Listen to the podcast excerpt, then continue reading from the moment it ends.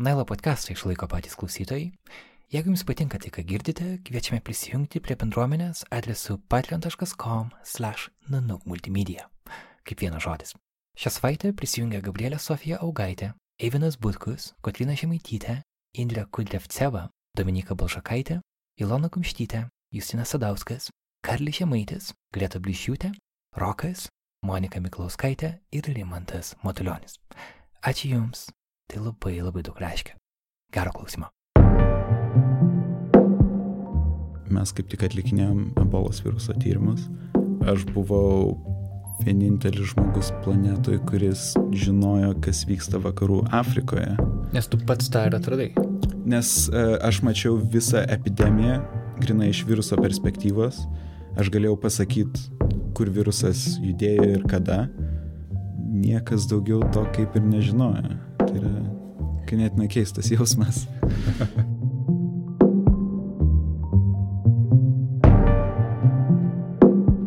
Dauguma mūsų virusų bijo. Ir tai suprantama. Bet mokslininką Kiti Duda virusai intriguoja. Savais vadina kabutėse virusų gykų ir savo darbu šitą vardą pateisina. Pernai pavasarį gyvenamas Sietle, JAV, gytis vadovavo 96 mokslininkų grupiai iš 18 šalių. Kartu jie išsiaiškino, kaip vakarų Afrikoje išplito ebola. Mirtinas virusas užkrėtęs 28 tūkstančių žmonių, iš kurių 11 tūkstančių neišgyveno. Duda ir komandos tyrimas buvo išspausdintas prestižinėme mokslo žurnale Nature. Šiuo metu gytis gyvena Gothenburgė, Švedijoje. Jis toliau gilinasi į virusus kaip į ypatingą gamtos reiškinį ir jis tiki, kad norint pasiekti geresnių mokslo rezultatų, būtina mokslo duomenis atverti visuomeniai. O kiek tai pačiam svarbu uh, būti dalimi to tokio atviro mokslo? Tai yra vienas svarbiausių dalykų man.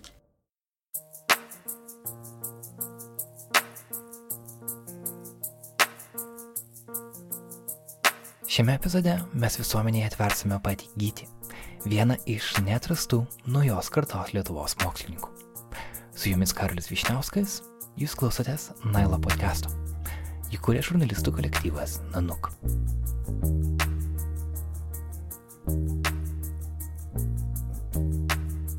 Su Gyčiu susitikome dar vasarą Vilniuje, kai jis čia buvo trumpam atvykęs dviračių žygiui ir muzikos festivaliams. Ebola buvo mūsų pagrindinė tema, bet ne vienintelė. Mes kalbėjome apie mokslą ir religiją, apie mokslą ir žiniasklaidą ir apie tai, kad jeigu tau nesiseka mokykloje žirmūnuose, tai dar nereiškia, kad tau nepavyks.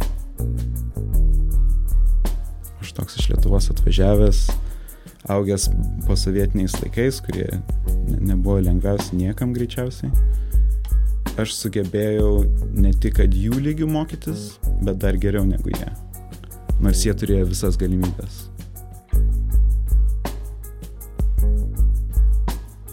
Prie interviu prisijungė kolegė, antropologė Martina Šuskutė. Tai yra pirmas Gyčio Duda interviu Lietuvoje žiniasklaidai. Beje, dovanokit už keistesnę balso kokybę. Kaip ir praėjusią savaitę, epizodo įžangą įrašinėjau ne studijoje, o viešbučio kambaryje. Šiuo metu esu Floridoje, JAV, tai jau paskutinė Edward Murrow žurnalistų programos stotelė, kurioje dalyvauju. Programos dienoraštį rašau Nanuk Facebook'e, tad jeigu tik įdomu, kviečiu užsukti ir paskaityti. Taip pat noriu ištaisyti praėjusią savaitę epizode atsiradusią klaidą. Tada kalbėdami apie medijų raštingumą Lietuvoje, pašnekovę Urtę Žukauskaitę įvardėjau kaip nacionalinės debatų akademijos čempionę. Iš ties Urtė yra debatų akademijos finalistė. Šiuo metu ji taip pat yra Vilniaus universiteto debatų klubo prezidentė. Kągi, keliamės į studiją pas Gytį.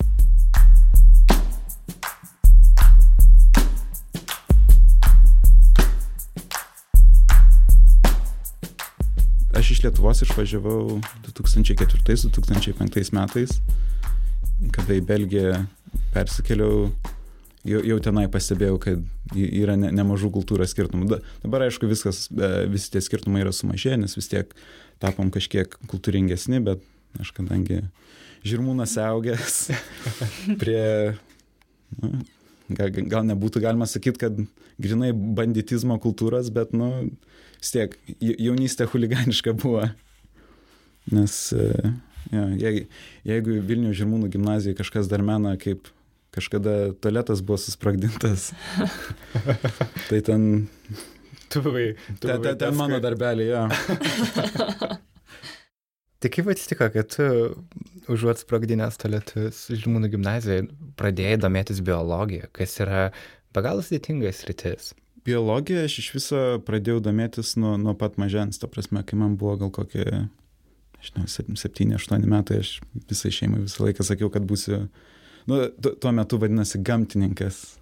Kaip Salemonas, Baltanavičius. Panašiai, nes e, aš savo vasaras pagrindę praleisdavau sode, po gamtą lakstydavau, mokykloje taip gerai nesimokiau, bet biologija visą laiką buvo vos ne aukščiausias balas. Ir po truputį, kada baiginėjau mokyklą, galvojau, kokį darbą susirasti, kokį bakalaurą daryti, kad daugiau pinigų uždirbti. Mm. Na ir galvojau, darysiu ekonomiką. Ir tada 12 klasė, kada Belgijai mokiausi, kažkaip pagalvojau gerai, kad nei, nei man įdomu, nei aš ką žinau apie ekonomiką ir kad gal geriau susirasiu kokią nors biologijos šaką, kuri man patiktų. Ir kaip tik Belgijoje buvo e, UCAS programa, kuri grinai duoda galimybės moksleiviam, kada jie baigia uh, Europos mokyklą, bandyti įstoti į Didžiosios Britanijos universitetus. Aš net nežinau, iš kur aš gavau idėją, kad Edinburgo universitetas yra aukščiausio lygio. Aš ta prasme pa, pats labai daug na, internete netyrinėjau. Ir man atrodo, mano mama kažkada e, prieš kokius dešimt metų tada buvo nuvažiavus e, tokį mini magistrą daryti tenai. Jai labai patiko ir aš irgi nusprendžiau tenai nuvažiuoti ir turbūt pirmą kartą po mokyklos iš tikrųjų pradėjau ir kreipti dėmesį ir domėtis tuo, kas buvo mokoma. Ir tiesiog suvokiau, kad atradau savo nišą ir kad galiu iš to kažką padaryti. Po antrų metų sužinojau, kad tas dalykas, kuris mane visą laiką traukė biologijai, tai yra kaip visos rūšys yra susijęs tarpusavį, e, kokia buvo jų evoliucija, vos ne kas iš ko įsivystė. Antrais metais sužinojau, kad tai vadinasi filogenetika. Tada susigalvojau atsispausdinti savo CV, nueiti į evoliucijos instituto e, sekretoriatą, tiesiog priduoti savo CV ir paprašyti, kad perduotų kažkam, kas tai daro ir norėtų pagalbos. Ir čia turėjo būti turbūt 2009 metų vasara, kada buvo keulių gripas kaip tik siautė. Mm. Ir vienas žmogelis atrašė, sako, ateik, pasižiūrėsim, ką, ką tu gali daryti. Tai buvo Andrew Rumbo, kuris vėliau tapo mano, mano vadovu doktorantūros. Tais metais padirbėjau su juo ir tada kitą vasarą irgi padirbėjau ir paskutiniais metais su juo dariau savo bakalauro projektą. Ir taip po truputį kaip ir įsiritau e, į tą visą pagrindę viruso evoliucijos rytį. Mhm. O šiaip noris dar paklausti, kaip apskritai tu jautėsi toje akademiniai bendruomeniai, nes kai mokykloje darbai toks berniokas, kur nelabai mokslai rūpi ir staiga tu atsiduri kažkuriu metu tokiam vienam geriausių universitetų pasaulyje. Yra kažkokia paralelinė realybė, kuriai tu galėjai nueiti visiškai kitų kelių ir gal tu galėjai likti žirmūnas. Kur buvo tas, žinai, etapas, kad tu, kad tu nuėjai mokslo keliu ir tu nusprendai, kad tu akademinė bendruomenė tau tinka vis dėlto, kad nėra tau sava, nes jinai turbūt ilgai tau atrodė nesava visiškai. Aš sakyčiau atvirkščiai, sakyčiau, ta visa huliganizmo kultūra atrodė ganėtinai svetima, bet kadangi vis tiek augi su vaikais kieme, tai aš labiau tenai jaučiausi svetimesnis ir vis tiek į, į tą rimtesnį nusikalstamą huliganizmą netiek ir linkau. Bet e, didžiausias lūžis turbūt įvyko, kada nuvažiavau į Belgiją. Tas huliganizmas, kada iš galinio suolo tenai vaikėzai kažką daro ir mėto ir panašiai. Tiesiog pati moksleivių kultūra buvo labai, labai kitokia. Kaip tu atsidūrė Belgijoje, nes tai skai 12 klasė? E, dešimta klasė. Taip, Aha. dešimta klasė. Tai tu išvykai, nes ne, tavo tėvai ten buvo ar kažkas? Mano mama gavo kaip tik darbą vertėjauti Europos Sąjungai. Aha E, versti įstatymus ir mane kartu pasėmė. Ir Belgijai ir man atrodo iš viso viso Europos Sąjungoje yra e, Europos mokyklų tinklas, mhm. Kur pagrindė diplomatų vaikam, e, visokių NATO atašė vaikam tenai, kadangi neturėjau visokių draugelių, kurie iš kelio vestų ir šiaip nelabai galėjau susidraugauti su vietiniais, nes vis tiek yra tie kultūros skirtumai. Ir kažkaip nie, nieko daugiau neliko, tik tai mokytis. Taip skamba, kad gan patogiai pasijauti daugiau to, tų galimybių kažkaip tiesiog mokytis ir gilintis. Taip, e, tas buvo vienas didžiausias skirtumų, kada Lietuvoje, aišku, mokytojams algos ne, nekokios, iš jų negalima labai tikėtis, kad jinai prie kiekvieno vaiko eis ir klausys ir žiūrės, kas negerai. Aišku, pasitaiko ir kur na, kvailiais išvadina e, už nieką. Bet Belgijai tas turbūt labiausiai ir nustebino, kad e, mokytojams iš tikrųjų rūpi, ar, ar, ar žinai, kas yra mokoma, rūpi, kad e, elgtumės normaliai ir panašiai. Savijauta, sakyčiau, nepagerėjo, kol nepradėjo eiti geri pažymiai Edinburgė. Kada aš supratau, kad e, galbūt aš, aš kažką galiu gero nuveikti gyvenime. Man vieną didžiausių įspūdžių padarė, kada aš toks iš Lietuvos atvažiavęs, augęs po sovietiniais laikais, kurie nebuvo lengviausia niekam greičiausiai. Ir kad aš sugebėjau ne tik, kad jų lygių mokytis, bet dar geriau negu jie. Nors jie turėjo visas galimybės pasiekti lygiai tiek, kiek aš. Ir jo labiau, kada mokykloje kai kurių mokytojų esi išvadinamas kvailiu ir, ir kad nieko iš tavęs gero neišeis, gauti tą savivertės patvirtinimą buvo labai stipri motivacija man toliau tęsti.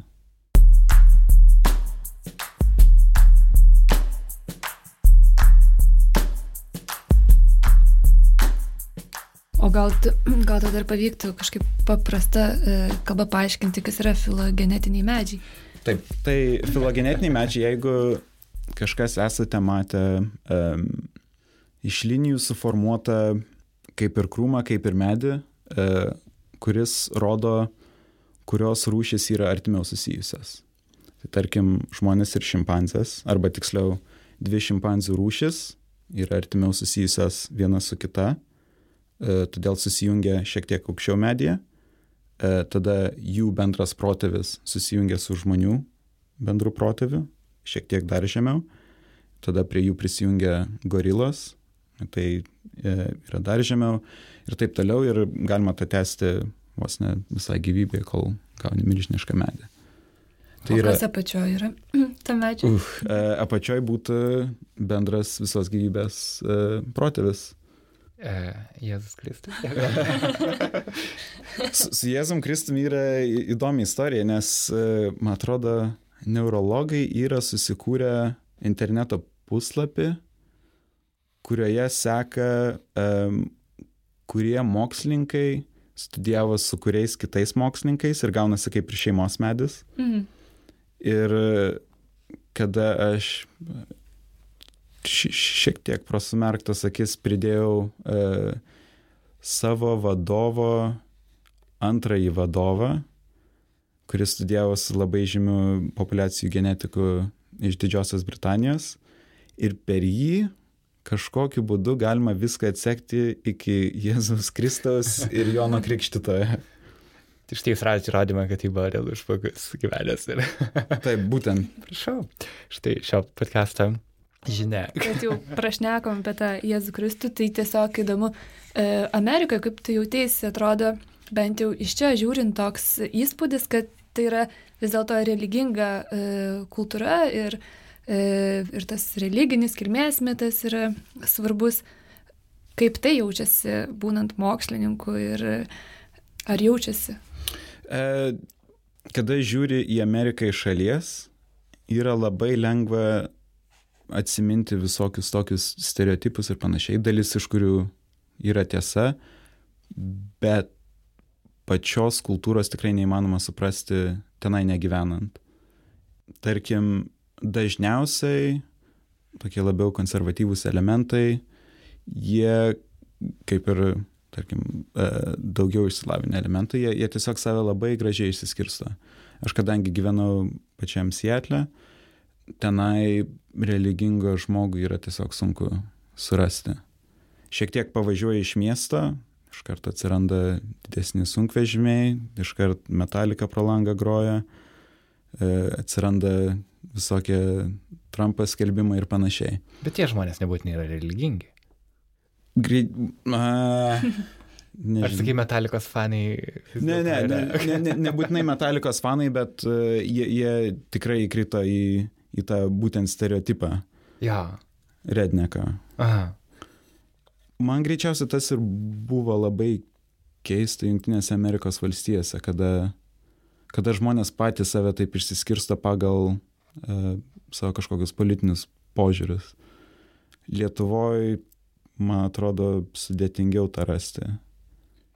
Bet Lietuva religija tarsi tiek daug ir nereiškia, kita vertus jinai reiškia labai daug. Atrodo, kad giliai kažkur mūsų e, sąmonėje, žinai, kad ir dabar mes vis dar turim diskusiją ten abortų klausimų, kuri kitur Europoje jau yra pasibaigus. Ir atrodo, jau išspręstas klausimas. Lietuvoje atrodo, kad tai žmogaus, žinai, šventumas vis dar egzistuoja kaip kažkur mūsų pasąmonė, man taip atrodo. Um, tu kažkiek taip nežinau, galbūt kaip augai, gal e, visas tas evoliucinis, biologinis dalykas, kaip, kuriuo metu tu atmeti tą Dievo faktorių ir tiesiog supratai, kad viskas tiesiog išsivystė visiškai banaliai, žinai, kartu, ne, tai nėra banalu, kartu yra gal fantastiška, kaip tai išsivystė, bet kartu, žinai, kad visas tas religinis momentas galiausiai tu jo tiesiog atmeti, kaip, kaip tai tau įvyko.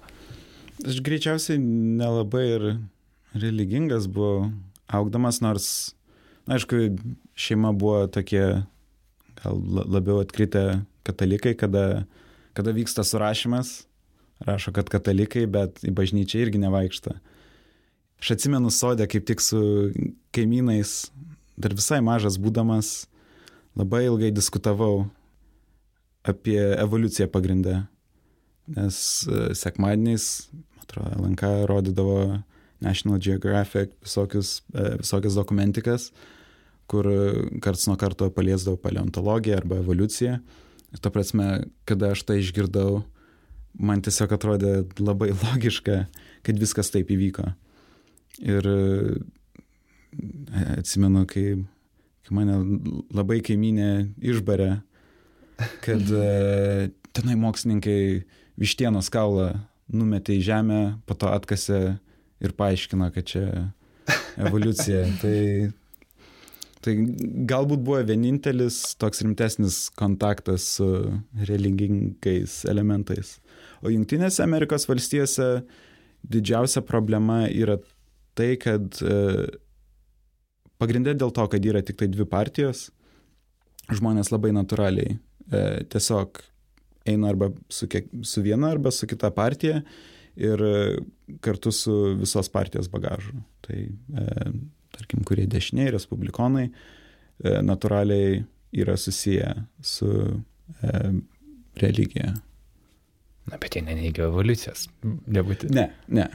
E, bet, jie, bet jie pagrindę stabdo e, evoliucijos mokymą, tarkim, Teksase ir panašiai.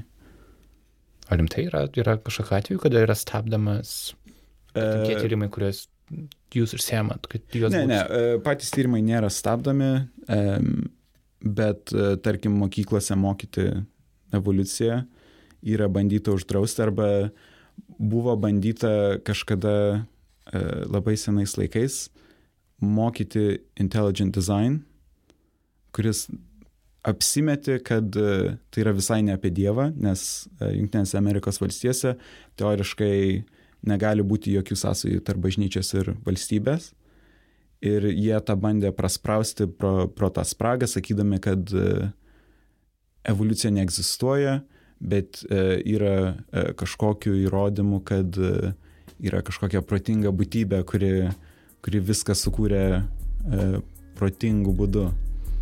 Ir tai buvo, man atrodo, baigęs net teismu, kuriame buvo labai akivaizdžiai įrodyta, kad ta visa intelligent design ideologija yra tiesiog labai blogai paslėpta krikščionybė.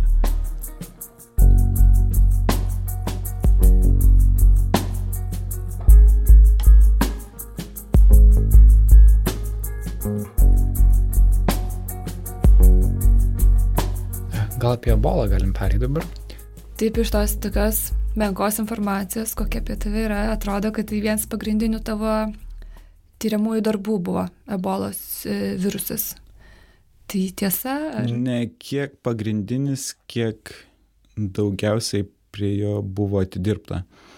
Dirbti su ebola, ypatingai iš um, virusų evoliucijos ryties yra labai sudėtinga, nes mes tiksliai nežinome, kur yra ebolos rezervuaras. Ta, ta prasme, kur yra e, tie gyvūnai, kurie palaiko ebolos e, infekcijos grandinę. Mhm. Ir e, vienintelis būdas, kaip mes galime sužinoti, kas cirkuliuoja gamtoje, yra grinai iš protrukių, kada jie vyksta žmonėse. Būtent šita ebolos viruso rušis buvo visiškai nematyta vakarų Afrikoje. Čia dabar mes kalbame apie Kongo atvejį ar apie patį jau e, tą 2013 patį pirmą ebolos? 2013 e, metais, kada, man atrodo, gruodžio gale, kada prasidėjo visa epidemija. Taip, kad ir iki Lietuvos atėjo žinia, kad yra naujas virusas ir buvo tikrai didelė panika dėl ebolos. Ir paskui atrodo, 16 metais viskas buvo paskelbta, kad atrodė baigėsi. Mhm. Ebola tarsi jau išnaikinta. Taip. Bet po to ir...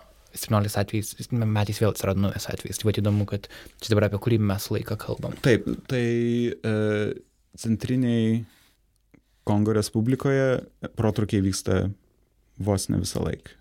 Tenai kas du metus, kas tris metus.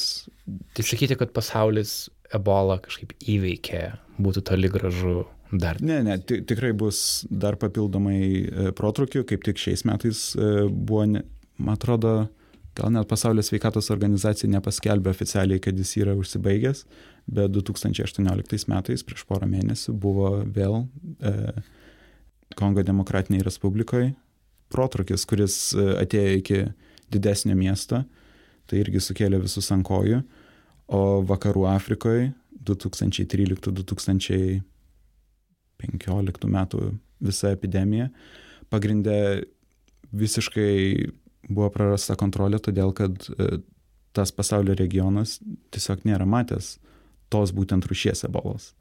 Žmonės buvo visiškai nepasiruošę. Iš kitos pusės pats virusas, kada peršoko iš, e, iš šikšnosparnių į dviejų metų vaiką, tai atsitiko labai netoli e, labai urbanizuotų vietovių. Pagrindė Gvinėjoje ir papildomai ta provincija, kurioje viskas prasidėjo Gvinėje, jinai sėdi ant e, grinai tarptautinių sienų tiek su Liberija, tiek su Sierra Leone. Iš kitos pusės pasaulio sveikatos organizacija labai dėlse su, su kažkokios nelaimės paskelbimu.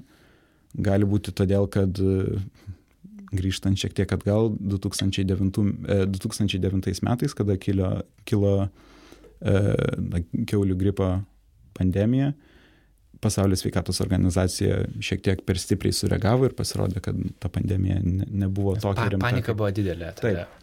Ir dabar jie bijo vėl skleisti paniką ebolos klausimu. Taip, tuo atveju su Vakarų Afrika jie padarė tą klaidą. Bet dabar jie po truputį grįžta į, į tą kitą pusę, kada tiek 2017 metais Demokratiniai Kongo Respublikoje, tiek šiais metais jie sureagavo labai rimtai, buvo labai greitai nusiųsti ekspertai e, ir reikiama pagalba. Ir šį kartą suveikė neblogai. Įveikti ebolą turbūt yra virusus tyrinėjančiam mokslininkui. Šiuo metu pasaulyje yra turbūt toks tam tikra mislė, kaip tai sustabdyti mokslininkų bendruomeniai. Tai nėra atsakymo. Čia panašiai kaip, įsivaizduoju, kad kaip, ar nežinau, surasti vaistą nuo AIDS, pavyzdžiui. Kad tai yra kažkoks dalykas, kurio, kurio daug kartų mokslininkų siekia ir jiems tai nepavyks. Turbūt ebola irgi dabar panašų statusą turi. Su ebola mums dabar šiek tiek labiau sekasi, nes e, grinai po vakarų Afrikos epidemijos e, pagaliau turime vakciną skiepus, galim, kurie buvo kaip tik naudojami e, šį protrukį 2018 metais. Iš kitos pusės kada įveikti ebolą kaip ir neįmanoma, nes tai yra vis tiek virusas pagrindė iš, iš gamtos, iš gyvūnijos ir kol žmonės kontaktuos su gamta, visą laiką bus ta rizika. Ir įveikti pačią virusą tikrai niekam neišeis, nie, nie, niekas net, neturi nei, nei tiek pinigų ir niekas neduotų tų pinigų, kad tenai eitum kažkur į gamtą skiepyti šikšnosparnį. Iš kitos pusės e, yra gan gerai, kad e, mes galėjome savo kažkokius sugebėjimus pasiūlyti. Nes e, kas labai dažnai atsitinka, kad e, žmonės, kurie sekvenuoja virusų genomus, jie patys nelabai gerai žino, kaip tuos genomus analizuoti ir ką jie tau gali pasakyti. Gali... Tie žmonės daug dažniausiai būna vietiniai. Ne, su ebolos virusu beveik niekada taip nebūna.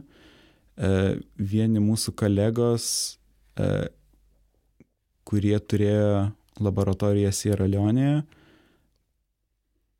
kuri buvo įkurta tam, kad studijuotų lasą karštinę. Tiesiog buvo vietoj su reikiamais instrumentais, e, kad būtent sekvenuotų pačias pirmasias infekcijų grandinės Sierra Leonėje. Bet šiaip paprastai būna kokia nors e, centrinė šalies laboratorija, kuri kolaboruoja su pasaulio sveikatos organizacija ir kurie turi tuos reikiamus instrumentus e, išanalizuoti ir tarkim, patvirtinti, ar tai yra ebola, ar tai yra kažkokia, kažkokia kitokia, e, kažkokios kitos infekcijos. E, ir dažniausia, kas atsitinka, kad e, žmonės yra iš, iš vakarų šalių, jie, tarkim, nusileidžia į kokią vietovę, atsiveža kažkiek minimaliai instrumentų arba e, kažkokių chemikalų, kuriais gali E, neutralizuoti patį virusą, bet išsaugoti sekas ir jas tiesiog siunčia į laboratorijas vakaruose. Tai yra dabar bandoma keisti kažkiek, nes tai yra vadinama parašiutiniu mokslu, kada tu tiesiog nusileidai į svetimą šalį, viską padarai už vietinius ir jie nieko atgal negauna. Ta prasme, visas publikacijas, visa šlovė už tas publikacijas atitenka kažkokiem užsieniečiam, kurie iš niekur atvažiavo, viską susigrebė ir išvažiavo nieko nepalikę. Mhm. Įdomu ir koks tas šiaip susiklosto socialinis santykis, nes vis tiek čia atsiranda galios dalykas, kai tie sprendimai irgi tada tampa nuleidžiami iš viršaus, tarsi ką, e, kaip elgiamasi su ta bendruomenė, kaip jinai gydoma. Taip. Ir e, ypatingai su ebola buvo kilę labai daug problemų, ypatingai pačios epidemijos pradžioje, kada E, viena iš pirmųjų žinių, e, kurias paskleidė sveikatos, e, pasaulio sveikatos organizacija, buvo, kad negalima valgyti gyvūnų iš, iš miško, kurie yra vos ne pagrindinis baltymų šaltinis vietiniam žmonėm, kurie šimtus tūkstančių metų valgė tą mėsą ir dažniausiai nieko iš jos negaudavo. Tai būtent dėl to kilo ganėtinai didelis žmonių pačių pasipriešinimas. E, kad va, ateina kažkokie čia užsieniečiai, aiškina tau, kad tu mėsos ne, nebegali valgyti. Nors e, iš, iš sveikatos apsaugos pusės tai nieko daugiau nepadarytų, nes e, visas infekcijų grandinės po to pačio pirminio atveju buvo nuo žmogaus į žmogų. Nuo, nuo mėsos užsikrėsti yra, ta prasme, labai minimalus šansas. E, su tuo suklydo. E, antras suklydo, kada buvo įkurtos pirmosios ligoninės. Buvo sakoma žmonėms, kad jeigu užsikrėtėjai ebola, tu tikrai mirsi. Ir, tarkim, išsiveža kokį nors pacientą daktarai ir žmogus nebegrįžta. Ir kada yra pačiai visuomeniai nepaaiškinama, kur yra vežama, kas yra daroma, kilo labai didelis pasipriešinimas, buvo žmonių, kurie pabėgdavo iš ligoninių, Buvo e, viena komanda Gvinėje, kuri buvo užmušta e, vietinių žmonių, kol pagaliau pasaulio sveikatos organizacija suprato, kad reikia samdyti antropologus, kurie paskleistų reikiamą žinią, kuri pasirodo buvo tik tai, kad pasakyti žmonėm taip, nuo ebolos gali mirti, bet jeigu važiuosi į ligoninę, turi žymiai daugiau šansų išgyventi. Paskutinis blogiausias atvejis buvo, kada Monrovijoje, tai yra Liberijos sostinėje, buvo toks lušnynų rajonas, kuriame valstybė paskelbė visišką karantiną. Ir suprantamai žmonės e, pradėjo reušės, kurių metu, man atrodo, policija nušovė paauglę. Ir buvo ganėtinai įdomi konkluzija. Išvada. Išvada, ačiū. buvo labai įdomi išvada iš mūsų tyrimų, e, kada, mes, e, kada baigėsi visas protrukis ir mes turėjome virš 1600 ebolos viruso genomo sekų, pastebėjom labai įdomų dalyką, kad kada trys šalis paskelbė, kad jos uždaro savo, e, savo pasienius, kad lygtai sumažėjo pacientų tekmė tarp šalių. Ta prasme, žmonės pradėjo mažiau keliauti į kitas šalis, kurie buvo infekuoti. Ir buvo labai nemažai. A, ir dar vienas dalykas buvo, kad e, mes pastebėjome, kad dauguma žmonių galvojo, kad ebolos virusas, ypatingai vakarų Afrikoje, išplito tiek daug, todėl kad jisai buvo miestuose ir urbanizuotose teritorijose. Ir mes pastebėjom, kad nebuvo, tarkim, kokių nors centrų, kur ebola pastoviai būtų. Kad ta prasme, ebola pakliūna į miestą ir tas miestas yra pastoviai infekuotas, e, infekcijų grandinės yra tęsiamas kažkaip Ir ką mes pastebėjom, kad tai yra visiškai atvirkštinis variantas, kad ebola, kada pakliūna į kokį nors naują miestą ar teritoriją, tenai labai ilgai neužsibūna. Ir tiesiog pacientai iš tos vietovės dažniausiai migruoja kur nors į artimiausius regionus ir tenai vėl pradeda tas trumpas e, infekcijų grandinės. Ir kada buvo įmami interviu, tai tapo vienu iš e, labiausiai cituojamų faktų iš mūsų studijos. Ir tarkime, mes pastebėjom, kad man atrodo apie ir žmonių, kurie buvo infekuoti, mes manome, kad maždaug 70-80 tiktai 3,6 procento migravo kur nors kitur. Mhm. Tai reiškia, kad sustabdyti ebolos plitimą, kuris yra pagrindę per migraciją, reikia sustabdyti labai mažą kiekį žmonių. Tai yra pats efektyviausias e, būdas, e, pats efektyviausias tiek, tiek kainos prasme, tiek e, pakeisti kažką, e, pakeisti situaciją e, Vakarų Afrikoje. E, Bet iš kitos pusės, kada žmonėm gali atrodyti, kad nu, viskas tada reikia daryti karantinus kažkokius, reikia įrengti užkardas, stabdyti žmonės ir panašiai, neleisti jiems judėti ir, ir taip toliau. Bet iš kitos pusės, jeigu tu sustabdai žmonių judėjimą, tu gali visiškai sugriauti jų ekonomiką. Ir balansuoti tarp tų dviejų dalykų nėra lengvas darbas. Ir galvoti, kad mokslas gali tenai tą, tą, tą vieną sprendimą tau pasiūlyti ir tiesiog su juo eiti ir bėgti yra irgi labai, labai naivu. Ir buvo šiek tiek gaila, kad dauguma žurnalistų apie tai nešnekėjo. Mhm. Ja, man nu, nauja informacija atrodo, bet labai įdomi, kaip, kaip iš tikrųjų viskas susiję, kad vien mokslo neužtenka. Jeigu tu nesupranti tos bendruomenės, su kuria tu dirbi, gali baigtis tau tas atvejis, kai kad mokslininkų grupė buvo tiesiog vietinių nužudyta, Tai Tenai ne, ne mokslininkai buvo, bet uh, pasaulio sveikatos organizacija. Mm, arba, arba gali būti MSF darbuotojai, A. kurie atvyko. Bet vis tiek, kurie tarsi atvyko padėti, bet tas nesusikalbėjimas buvo tokio masto, kad tai vyko.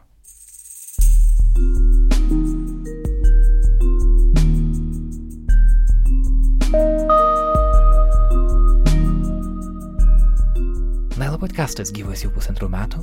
Per tą laiką pasirodė 62 epizodai Joks surprizas, kad mes negalėtume taip reguliariai dirbti be pinigų. Ir čia šiuo metu būdamas JAV, kolegoms iš kitų šalių bandau paaiškinti, kaip visą tai veikia, iš kur ateina podkasto finansavimas, nes tai, kaip dirbame mes, nėra įprasta ne tik Lietuvoje, bet ir apskritai pasaulinėme kontekste. Visą laiką jiems sakau, kad mums be galo daug reiškia mūsų klausytojai. Šiuo metu surinkame 1500 dolerių iš 264 žmonių per Patreon sistemą.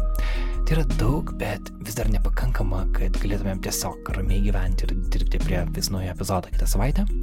Tad jeigu jums patinka tai, ką girdite, jeigu jums patinka podcastas, kviečiame prisijungti patreon.com slash nanuk multimedia.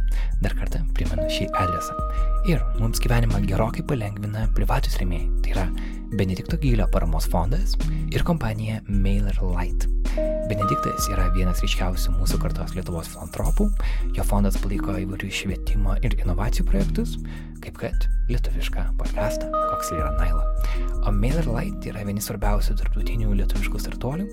Jie siūlo naujienlaiškį platformą, kurią mes patys naudojamės. Naujienlaiškiai atgimsta ir MailerLite siūlo platformą savo naujienlaiškį susikurti. MailerLite.com ten galima pabandyti.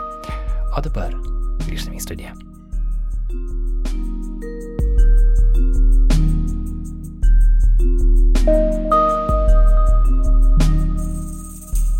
Buvo kaip tik atvejais, man atrodo, prieš keletą metų Škotijoje, kada šiaip visa Didžioji Britanija yra be pasiutlygės, bet vienas e, žmogus, kuris, man atrodo, zoologijos sodė dirbo, laikė šikšnosparnį ir, man atrodo, šikšnosparnis jam įkando ir jisai užsikrėtė pasiutlygės viruso giminaičių.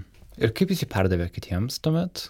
Pavyzdžiui, viruso perdavimas, kaip jisai vyksta, tarkim, ir tos pačios ebolos atveju, ar tai glinai per tiesiog palėti kitą žmogų ir viskas, ar... E, dažniausiai būna per kūnaskyšius, ebolos atveju. Aišku, yra... Per seilės. Yra, yra labai daug e, skirtingų būdų, kaip e, užsikrėsti virusais. E, virusai dažniausiai yra labai gerai prisitaikę tuo būdu plisti, e, nebent, tarkim, sutinka naują rūšį. Tarkim, gripo virusai tarp žmonių plinta grinai per orą, bet tarkim paukščiuose, kuriuose yra didžiausia gripo virusų įvairovė, juose virusas plinta fekalinio oraliniu būdu, tai yra lygiai taip pat kaip e, poliomelito virusas, tarkim, žmonėse. Pasiutlygė yra grinai per seilės ir turbūt vienas iš keiščiausių dalykų, ką pasiutlygė padaro žinduoliams, kažkokiu būdu virusas gali sukelti hidrofobiją kada vandens baimė. Ta prasme, tiek, tiek žmonės, tiek e, šunis ir panašiai tiesiog negali gerti.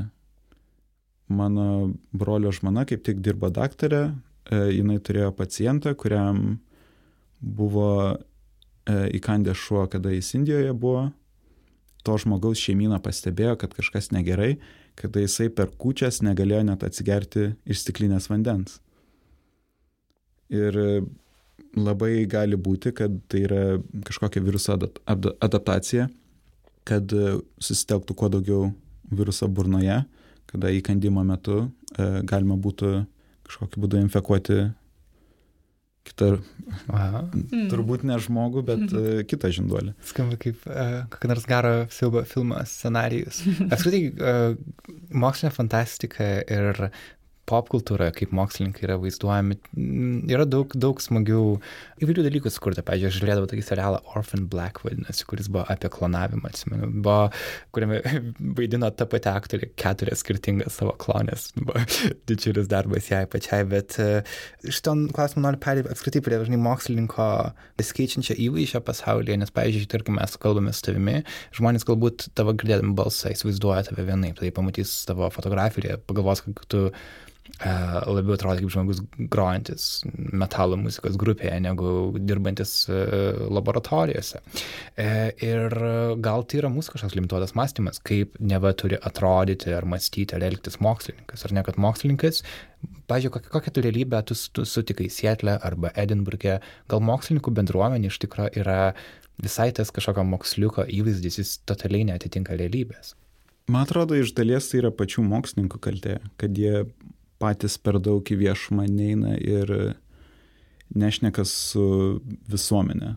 Tai yra pirmas dalykas, nes tarkim dabar sistema, kuri yra sukurta kaip komunikuoti savo kažkokius atradimus, tai pagrindai yra žurnalai, kurie dažniausiai veikia labai prastų modelių, kada mokesčių mokėtojai moka už mokslininkų darbus, mokslininkai papildomai moka žurnalam, kurie dažniausiai būna visiškai neatviri ir reikia žurnalai dar e, papildomai mokėti, kad gauti prieimą prie pačio straipsnio ir tokiu būdu e, mokesčių mokėtojas moka du kartus, kad pamatytų, kur, kur jo ar jos pinigai nuėjo. Čia pirmas dalykas, kad, kad, kad mes kaip mokslininkai gal, galbūt per mažai komunikuojam su visuomenė. Iš kitos pusės, kada susipažini su pakankamai daug mokslininkų, tikrai supranti, kad mes irgi esam patys paprasčiausi žmonės. Galbūt yra kažkokios charakterio savybės, kurios yra dažnesnės tarp mokslininkų. Aš puikiai atsimenu, kada Edinburgė buvo mūsų institutė labai e, paplitusi e, kavos pertraukėlė, kur kažkokiu būdu kažkaip buvo paliktas lapas su tais charakterio testais. Ir, ir, ir vienas toks e, senesnis kolega pasiemė tą lapą, pažiūrėjo, sako, mums šito nereikia, Me, mes visi kažkoks autizmo atspalvis. tai iš tos pusės Taip, tarp mokslininkų yra paplitęs šioks toks tipažas. Tam tikras antisocialumas. Antisocialumas eina kartu su gal labiau matematiniu mąstymu, galbūt su curiosity. Mhm. Tiesiog domėjimusi dalykais. Taip. Nes mes vis tiek, mokslininkai, kurie pasilieka moksle, niekada nepasilieka moksle dėl pinigų. Nes tos valandos, kurias mes oficialiai dirbame, tai dažniausiai yra labai maža dalis to darbo, kurį iš tikrųjų atliekame. Nes žmonės iš tikrųjų patys domisi ir tą daro iš širdies. Pilna mokslininkų tiek Lietuvoje, tiek kitur, kurie, kuriems yra labai didelių bėdų su finansavimu, nes išlaikyti laboratoriją, kada žmonės tavim pasikliauna, kad tu gausi kažkokį finansavimą ir jiems sumokėsi algą, nėra labai lengvas dalykas. Aš nežinau, man visą laiką buvo keista, nes aš užsienyje turiu kaip ir du identitetus. Vieną kaip lietuvio ir kitą kaip mokslininko. Ir atrodytų, kad aš kadangi dirbu kaip mokslininkas, kad kada užsienį būnu jaučiuosi žymiai geriau, nes vis tiek dirbu kaip mokslininkas, kontaktuoju su kitais mokslininkais.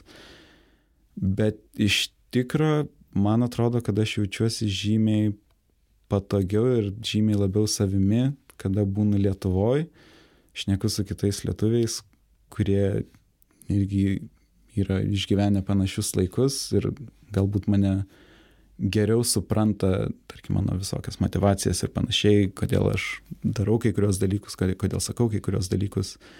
Ir man net mažiau rūpi, ar jie supranta tą mokslą, kurį darau.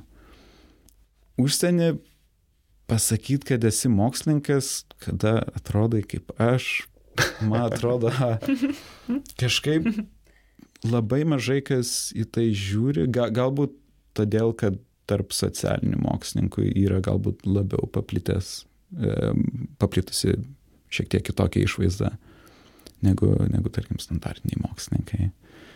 Kita vertus, aš atsimenu, kada buvo mano viena kolegė į Sietlą atvažiavus ir norėjo eiti į, į meno galeriją. Tenai vietinė menininkė dirbo, atėjo, papasakojo, kaip jinai kuria. Pažiūrėjo taip į mus ir sako, Nu, bet jūs irgi tikrai menininkai. tai, bet ne. A, a, aš ebola studijuoju, jinai živ studijavo. Bet kažkaip ilgai tenai nekam, nekamantinėjo ir nesistebėjo. Man atrodo, gal, gal, galbūt vakaruose yra tiesiog labiau paplitę žmogaus tiesiog prieimimas. Kodėl aš tą klausimą keliu, nes man atrodo, kad Lietuvoje dalis žmonių uh, jie galbūt ne, neina mokslo keliu, nes jiems atrodo, kad jie nenori būti, kabutėse, mokslininkais, nes įsivaizduoja, kad mokslininkai yra kažkokie nuobodų žmonės. Negebantis socialioje aplinkoje būti, kad jeigu um, tu esi mokslininkas, tu nežinau, tu ne, nevaikštai į koncertus, tu nesidomi kažkuo, tavo pavyzdys parodo, kad viskas toli gražu yra ne taip ir kad šita profesija gali irgi būti lygiai taip pat turėti tą tokį fainumo faktorių, kaip ir būti, pavyzdžiui, ten iliustratoriumi, ar būti fotografu, ar visos tos profesijos, kurios atrodo kaip labiau geidžiamos ir tokios labai e, žavios ir visa kita, žinai. Iš kitos pusės didžioji dalis darbo yra sėdėti iki vėlumos, rašyti popierius, atlikti tyrimus. Ir ta prasme, jeigu žmonės galvoja, kad tą norėtų daryti, bet tarkim, atrodo per gerai tokiai profesijai, aišku, turėtų eiti į mokslą, nes šaknis tikrai karčias, bet vaisiai yra labai saldus. Nes tarkim, buvo kažkuriuo metu atvejis, kada mes kaip tik atlikinėjom ebolos viruso tyrimus, kada aš buvau vienintelis žmogus planetoje, kuris žinojo, kas vyksta vakarų Afrikoje. Nes tu pats tą ir atradai. Nes uh, aš mačiau visą epidemiją, grinai iš viruso perspektyvos. Aš galėjau pasakyti, uh, kur virusas judėjo ir kada niekas daugiau to kaip ir nežinojo. Tai yra ganėtinai keistas jausmas. o ar tavęs neliūdina, vat, gal ta panika medijose ar apskritai, kad tai, ką jau tada galiausiai sužino visi žmonės, kaip jiem yra pristatomas tas virusas, kad e, tame trūksta tarsi informacijos, kad ten daug yra nežinojimo. Ir truputį sugadusią telefoną, tai principas, oh, ar ne, kad tai, ką taip. jūs išsiaiškinat, kaip paskui tai pasiekia kažkokią žinutę e, naujienų portale ir jeigu palyginint tą galutinį rezultatą su tuo, ką jūs tyrė, tai yra skirtingi dalykai. Tai turbūt buvo didžiausias nusivylimas e, pagrindė žiniasklaida, kada buvo mūsų kolegos Sieralionėje, kurie turėjo Lasos karštinės laboratoriją ir jie buvo patys pirmieji, kurie um, sekvenavo ebolos virusą Sierra Leonėje. Publikavome ganėtinai trumpą straipsnį ir lyg ir, lyg ir atsargiai mes pastebėjome, kad ne mutacijas, bet evoliucijos greitis epidemijos metu buvo vos net dvigubai didesnis negu tarp protrukių, ta prasme evoliucija, kuri vyksta rezervuare mes tą labai atsargiai pasakėm, mes pasakėm, dėl ko taip manome, tai yra tiesiog populiacijos e, genetikos kaip ir tokia jėga, kad jeigu labai akilai žiūri ir seki, tu pastebėsi labai daug variantų, kurie cirkuliuoja kokioje nors populiacijai, kurie vėliau bus tiesiog natūralios atrankos išnaikinti. Ir todėl ilgesniam laikui praeinant ypatingai e, kada to viruso akilai nestebi, pastebėsi žymiai mažiau mutacijų negu tikėtumėsi. Ir po kurio laiko pašnekėjo vienas mūsų kolega, kuris mūsų analizų nedarė, jisai apie viruso evoliuciją galbūt tiek daug ir nežinojo. Ir visa žiniasklaida būtent e, tik apie tai vos ne ir raportavo, kad ebolos virusas mutuoja dvigubai greičiau negu anksčiau, nors mes nesakėm, kad mutuoja. Kada Delfis pagaliau e, gavo kažkokią atrajotą straipsnį, irgi parašė, kad čia didi bėda. Ir kas buvo liūdniausia, kad dauguma publikacijų iš kitų mokslininkų, kurios išėjo vėliau, buvo panašu, kad neskaitė mūsų straipsnio, o skaitė tai, ką žiniasklaida rašė apie tą straipsnį. Tik įskaitai lietuviškus naujienų portalus ir ten yra mokslo skiltis. Kiek jie galima pasitikėti ten skalbiamą informaciją? E, uf, greičiausiai nelabai, nes dažniausia mokslinės publikacijos, kurios sulaukia dėmesio, dažniausiai sulaukia dėmesio dėl to, kad kas yra sakoma, yra... Sensacinga. Taip, yra, yra lab, lab, labai daug raportuojama dalykų, kurie ja, yra grinai sensacingi ir mokslinės vertės galbūt netiek daug ir turi. Iš kitos pusės yra keletas žurnalistų, kurie tikrai labai gerai rašo, kurie sugeba perteikti įvairių publikacijų niuansus, tarkim. E, tai vienas iš jų yra Ed Young, kuris rašo The Atlantic, kur ta prasme, bet kada, kada vienas mano kolega išleidžia kokią nors rimtesnę publikaciją, kuri gali sulaukti labai daug dėmesio, visada bando su juo pirmiau pašnekėti, kad būtų išleista teisingas aprašymas tos studijos su visais niuansais, kurie turėtų tenai būti.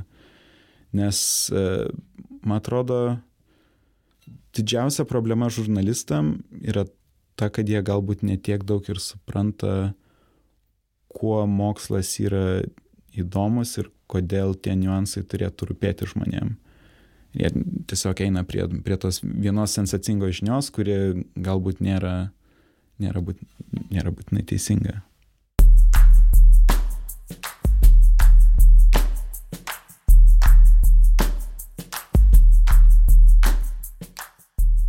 Aš labai nesutinku, kad tiek mokesčių mokėtojas, tiek šiaip bet kas gali neturėti prieimo prie mokslinių rezultatų. Kad mokslas turėtų kažkokį teigiamą efektą, jis turi būti prieinamas visiems. Tiek, kada publikuoju savo straipsnius, tiek, kada aš dalinuosi, tarkim, visais duomenimis, kuriuos aš turiu, arba programomis, kurias aš naudoju, arba ką aš esu užkodavęs, aš viskuo dalinuosi viešai, nes iš vienos pusės taip publika gauna, e, tiksliau visuomenė gauna prieimą prie to, bet tuo pačiu metu, jeigu kuris nors kitas mokslininkas pastebi, kad padariau kažkur klaidą, man labiau rūpi sužinoti tiesą, negu pasirodyti kažkokiam kietam ir neklystančiam ir panašiai. Plus dabar būtent dėl to, kad aš dalinuosi e, savo kodu, aš labai dažnai pastebiu, kad publikacijose tiek mano kolegų, tiek žmonių, kurių aš iš viso nesu nieko apie juos girdėjęs, kurie naudojasi mano kodu, e, daryti kažkokias iliustracijas savo straipsniam ir ta prasme, man, man per daug nerūpi, jeigu, jeigu aš padedu žmonėm patiems e, vykdyti savo darbą geriau. Aš visą laiką už. Plus, tarp mokslininkų estetikos jausmas yra nekoks. ir vienas, vienas, iš, vienas iš dažniausių komentarų, kur, kurių aš sulaukiu ten konferencijose ir panašiai, ar, ar kada susipažinu su, su naujais žmonėmis, jie, jie dažniausiai man, man ir pasako, kad, kad, kad mano visos, visi paveiksliukai yra labai gražus. Aš jiems visą laiką atsakau, kad kada paveiksliukai gražus, niekas uh, ne, neklausia apie mokslą. Bet iš ties, uh, manau, viena iš tokių žinučių, kurią gavau kažkaip tavęs klausydamas, yra, kad vien padaryti tyrimą, tikrai toli gražu neužtenka. Ta perdavimas to žmonėms, jeigu jis nevyksta, pats tyrimas atrodo tarsi tampa bevertis. Tik tada, kai jis pasiekia žmonės, kai vyksta kažkoks efektas. Tai aš noriu tikėti, kad šis mūsų pokalbis irgi kažkiek pasieks žmonės, kurie domisi mokslu ir gal net kažką sudomins kažką šiuo metu besimokantį žirmūnose. Kad ir parašyti tau. Manau, jeigu tau žmonės parašytų e-mailą, tu, tu atsakytum, um, turiu menį, nežinau, studentai, dar kažkas, kas nori, lietuviai galbūt kiti, kurie taip, nori, taip, nori ne, tuo pačiu. Visa, aš, aš esu ir anksčiau sulaukęs žmonių, kurie parašo ten, tarkim, per, per Facebooką, kurie galbūt per draugus ar draugų draugus ar per giminės yra sužinoję, kad aš studijuoju. Ir, ta prasme, man, man visada malonu padėti žmonėms. Mm. Tikiuosi, jie tai išgirs. Ačiū tau, Gyti, labai už tavo laiką. Ačiū, kad pakvietė.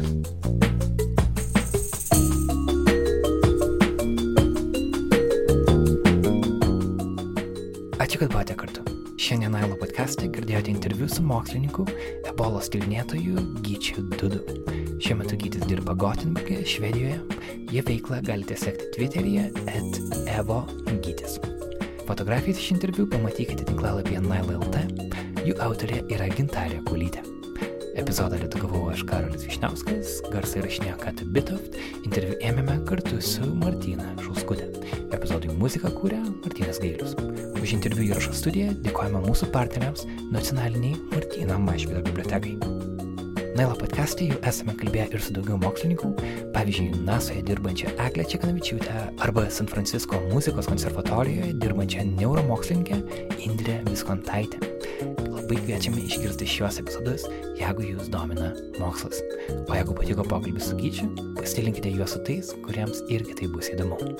Kitą savaitę epizodą neleisime, Sugrįšime prieš Kalėdas, tai bus didelis 2018 metų aptarimo epizodas su visa Nanų komanda, o taip pat mūsų update epizodo ekspertė Eglė Murauskaitė. Iki susiklausimo tada, Naila podcastą, kuria žurnalistų kolektyvas Nanuk. Iki kol kas.